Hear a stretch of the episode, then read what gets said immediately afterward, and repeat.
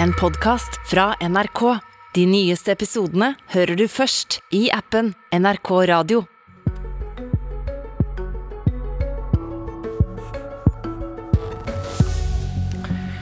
Er det et problem at Riksadvokaten kommer med liberale synspunkt på rusreformen? Har politiet grunn til å være forvirra om hva regler som gjelder om dagen? Dette ser Frp og Venstre høgst ulikt på. God morgen og velkommen til Politisk kvarter, der det skal handle om rusreformen, som altså var oppe til behandling uten å bli vedtatt i Stortinget men som likevel har fått konsekvenser ved at Høyesterett har tolka politiske signal og gitt straffritak for rusavhengige, og ved at Riksadvokaten har sendt ut føringer til politiet om å være tilbakeholdne med å etterforske rusavhengige som har stoff på seg. I juli har denne sendeflata sendt politiske intervju i Sommerkvarteret. Og der snakka riksadvokat Jørn Maurud om rus og straff. Altså, vi har hatt en visjon om et sånn nullvisjon, narkotikafritt samfunn. Eh, det har jo ikke fungert. Er det naivt? Nei, ikke naivt, jeg vil ikke si det. Altså det, det er gode hensikter og gode ønsker, men, men, vi ser jo at antallet mennesker og ungdommer som, eh, som, har brukt narkotika, har jo ikke akkurat gått ned i, i takt med, med, de årene som har gått. Og, og, og så tror jeg vi kanskje har undervurdert litt Eh, kostnadene ved straff. Da. Det må også tas med i det store regnestykket.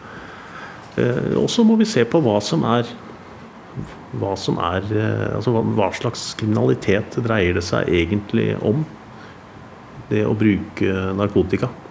Det er jo i første rekke et form for selvskading vi snakker om, da. Og, og, og da er det Det er jo bakgrunnen for at jeg ga min tilslutning til til det rusreformforslaget som ikke ble noe av, er at jeg, eh, jeg syns det er problematisk å bruke straff på, på folk som, eh, som, først og fremst eh, skader seg sjøl. Det var Trond Lydersen som intervjua Jørn Maurud. God morgen, Per-Willy Amundsen. God morgen. Du er Frp-politiker, leder i justiskomiteen på Stortinget og tidligere justisminister. Og du var ute og mente at det Maurud sa rock ved skillet mellom Stortinget og domstolene. Hvorfor er disse synspunktene problematiske? Det er veldig tydelig når du hører på dette intervjuet at eh, man går ganske langt i å ytre eh, ideologiske standpunkt, altså ikke faglige vurderinger som eh, type høringsrunder hvor Riksadvokaten vil være naturlig høringspartner. Eh, men eh, ren ideologi. Og, bare den uttalelsen som jeg oppfatter er svært problematisk, man snakker om at det kun er selvskading, det viser jo også at man kanskje ikke har den nødvendige innsikten i hva man faktisk volder av problemer for alle rundt seg de familiene som har folk som er utsatt for, eh, som er rusavhengige, og som er unge barn ikke sant, har sine unge som de følger opp hele tida. Det, kjempeproblem, samfunnsproblem. Eh, og jeg mener det er for enkelt å bare tilskrive dette eh, noen ideologisk standpunkt. Og da har også Riksadvokaten en særlig stilling eh, i å gjennomføre de politiske vedtakene som Stortinget fatter. Og jeg syns det er problematisk, må jeg si, at han går ut med såpass sterke standpunkt. Han burde vært mer tilbakeholden. Riksadvokat Maurud har selvsagt fått tilbud eh, om å være her i studio. Han har takka nei til oss til eh, i debatt. Også justisminister Emilie Enger Mehl eh, fikk tilbud, men hadde ikke høve til å være her. Men hvor mener du grensa går, da? Mellom hva han kan si noe om og ikke? Altså, det, det, er jo selvfølgelig eh, hans oppgave å gjøre de vurderingene sjøl. Men det er klart at dette er et veldig betent politisk spørsmål. Som du sjøl viser til. Eh, Stortinget klarte egentlig ikke å fatte noe endelig vedtak når man behandla rusreformen. Og da må man og, vel tolke reglene for politiet og påtalemyndigheten? Det er korrekt. altså Når det gjelder Høyesterett, så er det stor forståelse for at de har gjort de uh, vurderingene de har gjort. Og politiet klart, må få føringer pga. dommer? Ikke sant. Men problemet er at når da Riksadvokaten uttaler seg sånn som han gjør, eh, så har han på en måte plassert seg sjøl politisk, og, gjør, det han da gjør, eh, det vil da leses i den eh, konteksten. Og så må jeg også legge til, og dette er et veldig viktig poeng Norsk Narkotikapolitiforening, som jo har stikk motsatt standpunkt eh, i tråd med FrPs standpunkt, eh, om man fremdeles ønsker forbud mot eh, oppbevaring og bruk av narkotiske stoffer, de ble jo omtrent måtte gå kanossagang i norsk media, ble angrepet fra politisk hold fordi at de kom med uttalelser eller har synspunkt. Politiet selv har jo noen sterke synspunkt rundt disse tingene, men det måtte de altså nesten stå og forsvare i alle flater. Men du syns de synspunktene er greie? Men er ikke det litt interessant? Ikke, jeg syns bare det er veldig interessant. For det første så, så, så, så har Riksadvokaten en helt spesiell eh, oppgave eh, i å gjennomføre politiske vedtak. Men dernest så er det, syns jeg jo det er litt underlig at uh, samme media blir veldig stille når Riksadvokaten uttaler seg i tråd med det norsk media mener. Og da snakker jeg om uh, mainstream media i Norge. Ingvild Wetrhus Thorsvik, stortingsrepresentant for Venstre. Er Riksadvokaten um, en slags politisk aktør med ideologiske oppfatninger her? Nei, altså Det første som man tar feil i her, er jo at det, det, er jo ikke ideologiske ytringer som Riksadvokaten kommer med, det er jo faglige vurderinger. Han støtter jo opp om eh, den forskningen som vi har på, på, området allerede. Så det er ikke ideologi som han, eh, han, driver med. Det er ingen empiri eller forskning som tilsier at straff fungerer for å få ned rusbruk. Og det andre som Andersen er inne på her med at NNPF skal ha fått så voldsomme reaksjoner for for sine uttalelser på området, så handler jo det om rolleblandingen til NNPF. Det handler jo ikke om uttalelsene til NNPF. For det er jo nettopp dette som er eh, oppgaven til Riksadvokaten. Et lite øyeblikk. Eh, nå, nå, tenkte jeg egentlig ikke denne debatten skulle handle om NNPF, men, men roll, stikkordet rolle er jo viktig her. Hvor mener mm. du eh, eh, tidspunktet inntrer der Riksadvokaten går utover sin rolle, da? Nei, men altså Det Riksadvokaten sier, samsvarer jo også med høringsuttalelse i forbindelse med rusreformen. og jeg mener at uh, Her er det ikke Riksadvokaten som svikter i sin rolleforståelse.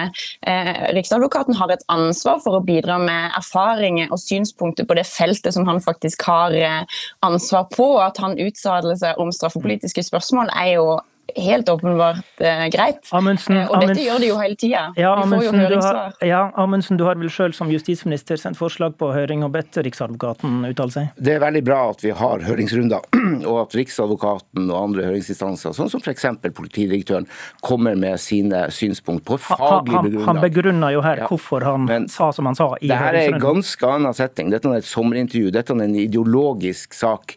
Eh, og, og jeg tror det er veldig viktig at man har forståelse for at man bør være tilbakeholden med å delta i det politiske ordskiftet, for det er det jeg oppfatter at Riksadvokaten gjør her.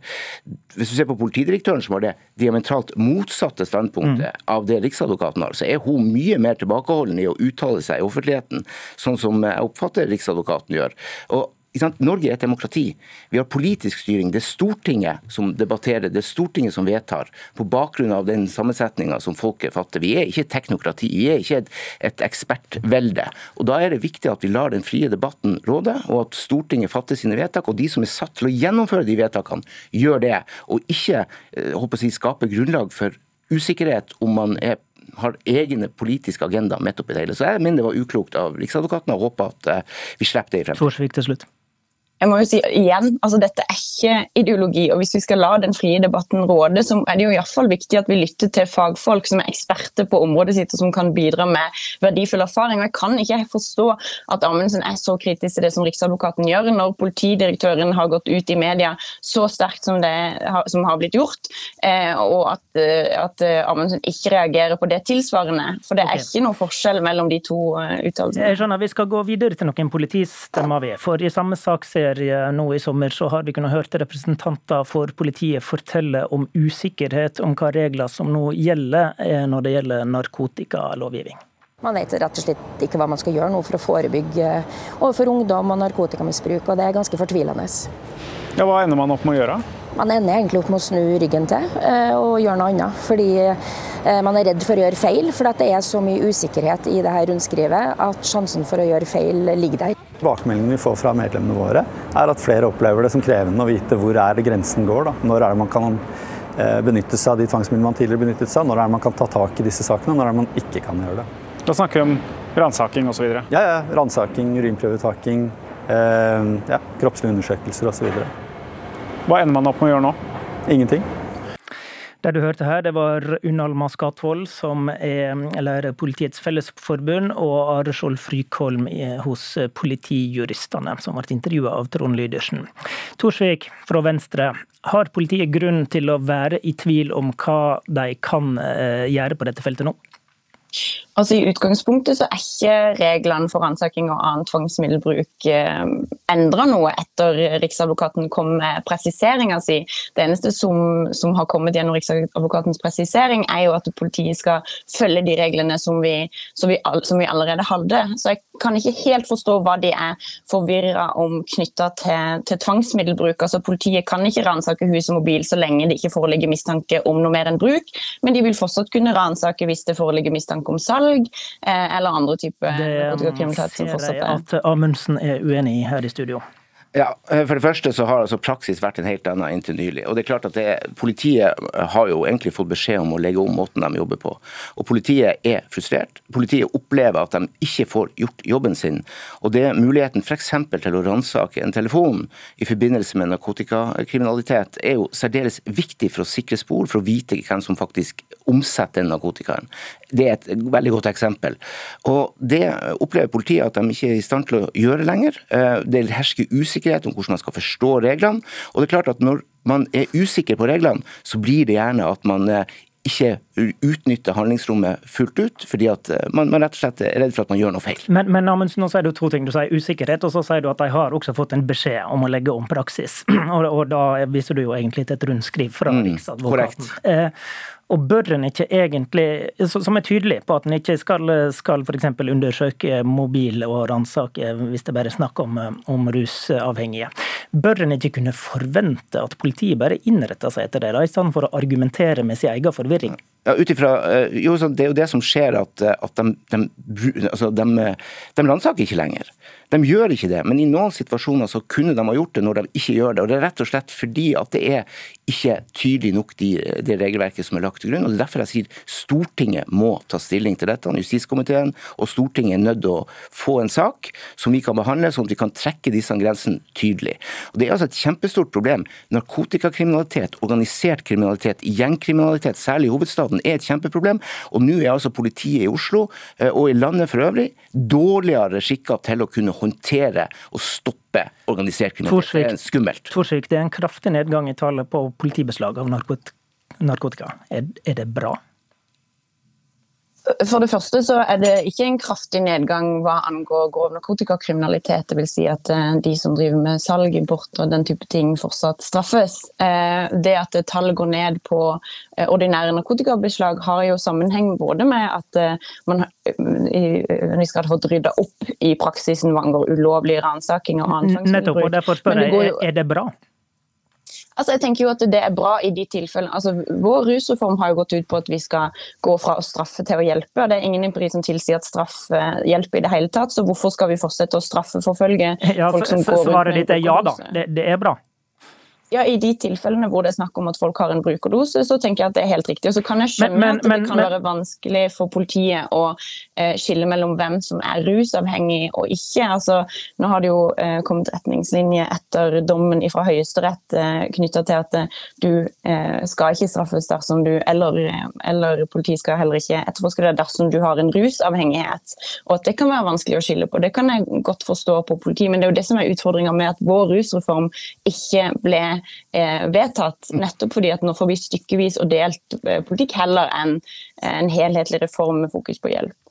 Amundsen, er ikke dette egentlig gavepakke til politiet? da? De har trange ressurser, nå kan de droppe å bruke tid på dette, heller prioritere viktigere kriminalitet? Det er faktisk et prioritert Eh, formål å bekjempe organisert kriminalitet. Og Det handler om narkotikakriminalitet i stor utstrekning. Det handler om gjengkriminalitet i Oslo. Det handler om en farlig utvikling som vi ønsker å stoppe med alle lovlige midler. Eh, ikke få den utviklinga som vi ser i Sverige. Og det er faktisk sånn at med den praksisendringa som Riksadvokaten har lagt opp til, og som nå politiet har problemer med å gjennomføre, det gjør det enda vanskeligere å hindre en utvikling hvor vi havner på, i den situasjonen som vårt naboland Sverige står i. Det er beklagelig. Men eh, det er dessverre tilfellet. Torsvik, burde politiet kanskje hatt eh, høve til å undersøke om det iallfall skjer salg, da? For det vil vi jo Det har de jo. Det har de jo 100% Det er ingen endring. Altså Dersom politiet har mistanke om at det foregår et salg, eh, så vil de jo fortsatt kunne bruke de tvangsmidlene som de har brukt tidligere.